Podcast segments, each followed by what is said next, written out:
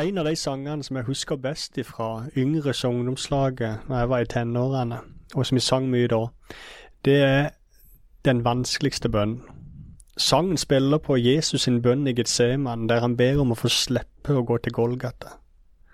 Men selv om han ber om å få slippe, så avslutter han likevel med ordene Men ikke som jeg vil, bare som du vil, Herre. Og med denne Getseman-bønnen som bakteppe, så går første vers i sangen sånn. Den vanskeligste bønnen å be med ærlig sinn, er bønnen la din vilje skje. For egenviljen blander sitt eget ønske inn, og overfor Guds tanker er viljen ofte blind. Men Herre, gi meg motet til å be, la din vilje skje. Det er en fin sang, og sangen minner oss om mange viktige og riktige ting. Og Først av alt så minner han kanskje om dette løftet i Johannes 5, som sier at dersom vi ber om noe etter hans vilje, så hører han oss.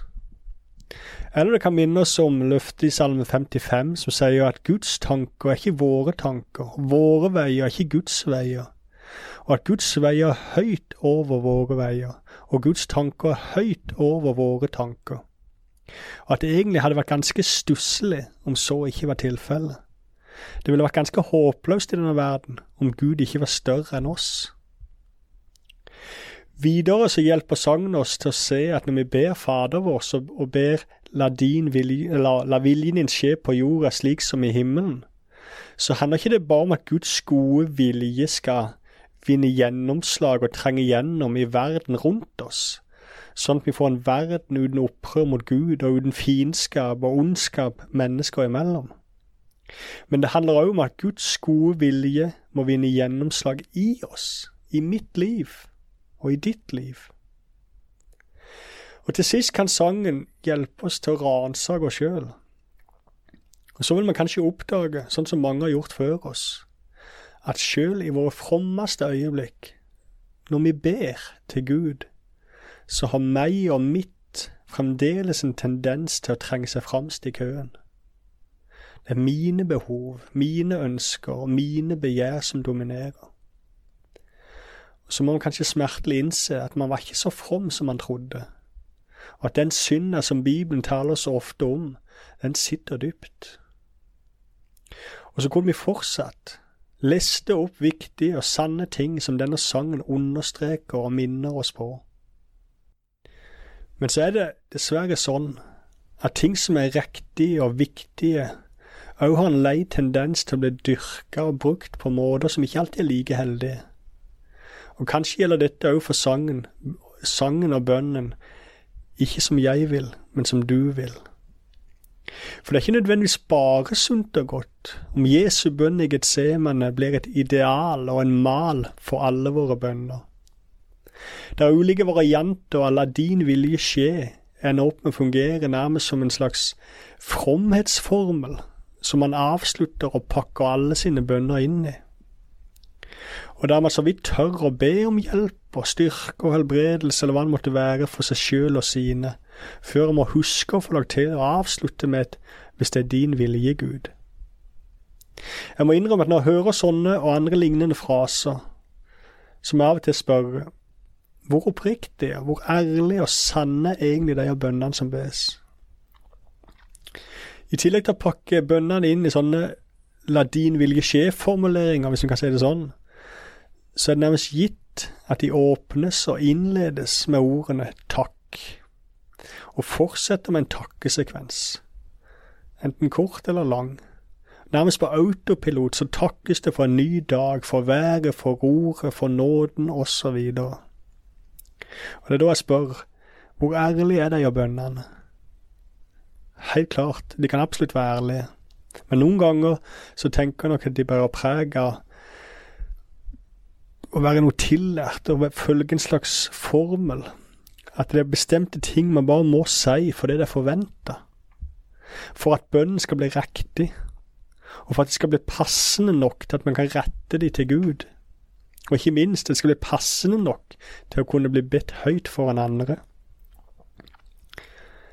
I så fall så tenker jeg egentlig at det er ganske leit. For da er bønnen blitt noe den aldri var meint å være. Bønnen er blitt en prestasjon. Det er noe man må passe på å få gjort riktig. Bønnen blir ikke lenger et sted hvor han kan være ærlig og snakke sant og ærlig ut med Gud. Om livet, sin neste, verden og Gud.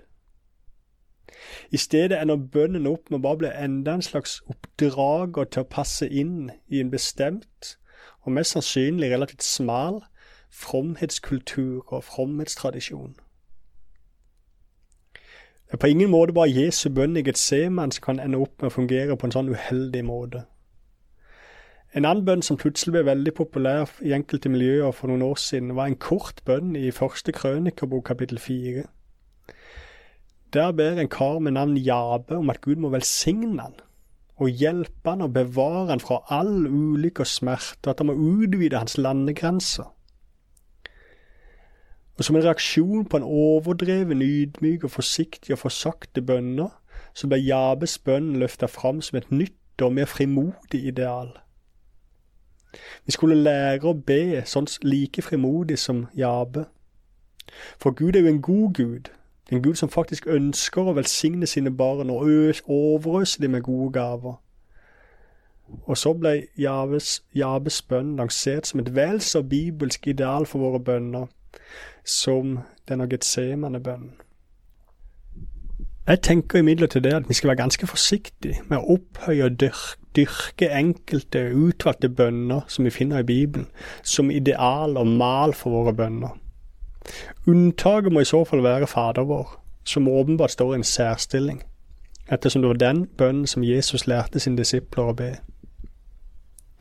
Men i stedet for å opphøye enkeltbønner, så tror jeg vi gjør lurt i å ta til oss spennvidden og mangfold i alle de ulike bønnene som finnes i Bibelen. For Bibelen inneholder faktisk ganske mange bønner. Og ei, særlig ei bok skiller seg ut. Det er Salmenes bok. For selv om Salmenes bok kan leses på ulike måter, og åpenbart har vært brukt på enda flere måter og til forskjellige formål, både i synagogen og i kirken og i klasserommet opp gjennom årene, så har den først og fremst blitt forstått som ei bønnebok. Ei bok bestående av bønner.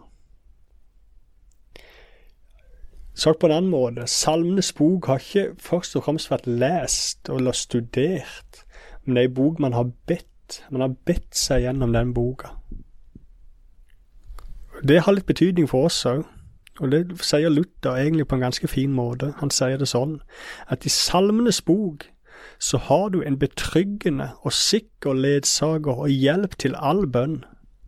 I den boken kan du uten fare følge alle hellige etter. Salmene holder deg borte fra de små og smale klikkene og knytter det til det store fellesskapet av alle hellige. Kort sagt, Salmenes bok åpner opp et vidt og breit rom for oss. Et rom som favner og som forener oss med bedende mennesker gjennom hele kirkens historie, og fra alle kriker og kroker i kirkelandskapet. Ikke bare en avgrensa liten flik av likesinnede. Og det er noe av dette store rom og dette mangfoldet av ulike bønner som finnes der, som jeg har lyst til å si litt om her og nå. For det er jo nettopp dette store mangfoldet av ulike typer bønner som har gjort at Salmenes bok er blitt omfavna og verdsatt av så mange forskjellige mennesker. Men før jeg gjør det, så har jeg lyst til å si en slags ekstra innledning. Så jeg har lyst til å si noe om hvordan Salmenes bok kan brukes som ressurs i våre bønneliv. Forhåpentligvis vil det kunne gjøre det litt enklere for oss å åpne denne boka. Denne boka som vil bli kalt bønnens koldtbord og skattkiste. Salmenes bok kan helt klart brukes på mange forskjellige måter som ressurs inn i våre, uh, våre bønneliv. Men jeg skal konsentrere meg om to, to måter, og særlig framheve én bestemt måte. Mest typisk har det vært å bruke Salmenes bok som en bønnebok ei bok der man finner ferdigformulerte bønner som man kan fremsi og gjøre til sine egne bønner. I stedet for å formulere sine egne mer eller mindre hjelpeløse bønner, så kan man lese og framsi de ferdigformulerte bønnene. Mange har fått mye hjelp gjennom, brukes, gjennom å bruke salmenes, salmenes, bok på den måten. Ikke minst har det gitt mange en god, gode rutiner og en god rytme i bønnelivet. Og det er mange som kan si mye flott om det. Men det er også en del av oss som ikke alltid syns det har vært helt enkelt å gjennomføre. Lett fordi at noen av salmene kan være vanskelig å forstå, og lett fordi at flere av de inneholder en del elementer som oppleves direkte fremmede og vanskelige. Et typisk eksempel er bønnene knytta til fiender i Salmenes bok. Det er nesten ikke salme som ikke på en eller annen måte taler om noen fiender. Og omtalen og bønnen knytta til de fiendene er ikke alltid like oppbyggelig, for å si det forsiktig. De kan dessuten være ganske vanskelig å vite hvordan de skal forstås, og det blir fort forstyrrende for den som forsøker å be salmene i sin helhet. Det triste med det er at de vanskelige tingene fort tar oppmerksomheten bort fra alle de tingene som faktisk gir mening, og som kunne vært til hjelp og nyttig i ens bønneliv. Derfor vil jeg rett og slett slå et slag for å gjøre det vi ofte kanskje advares imot. Jeg vil rett og slett oppmuntre til å gå på jakt etter å fokusere på de versene, ordene, uttrykkene og bildene som faktisk treffer og gir mening inn i våre liv. Versene rundt som kanskje ikke gir like god mening, skal du få lov til å hoppe over, eller iallfall legge litt til side for en stund.